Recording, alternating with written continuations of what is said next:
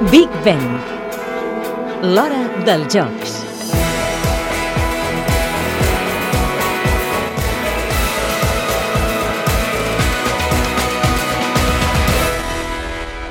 Hem estat fent una gran feina en aquesta zona, però ens hem hagut d'afanyar durant els últims 65 dies per tenir-ho acabat. Ens han pressionat i és per això que hem hagut de treballar tots els dies de la setmana.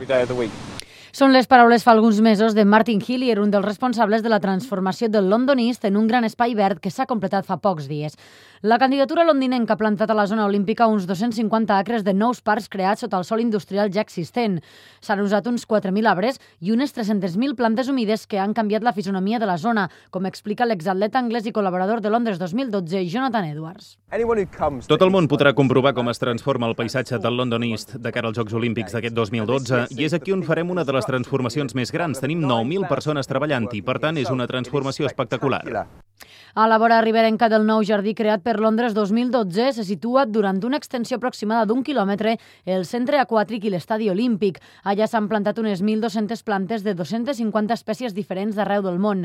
L'àrea de parcs també es convertirà en un refugi per a la fauna i la flora, amb nous hàbitats creats per a espècies com la llúdriga, pardals com el blauet o el bernat pescaire i també el talp d'aigua. I és que la intenció és que la nova zona verda de la ciutat perdure durant molts anys. David Holland és un dels enginyers agrònoms que ha participat en el disseny d'eixe nou espai. Això donarà confiança arreu del món perquè hem demostrat que les noves tècniques d'enginyeria es poden usar per transformar un entorn com aquest i millorar la biodiversitat de la zona. Substituirem també els vells mètodes.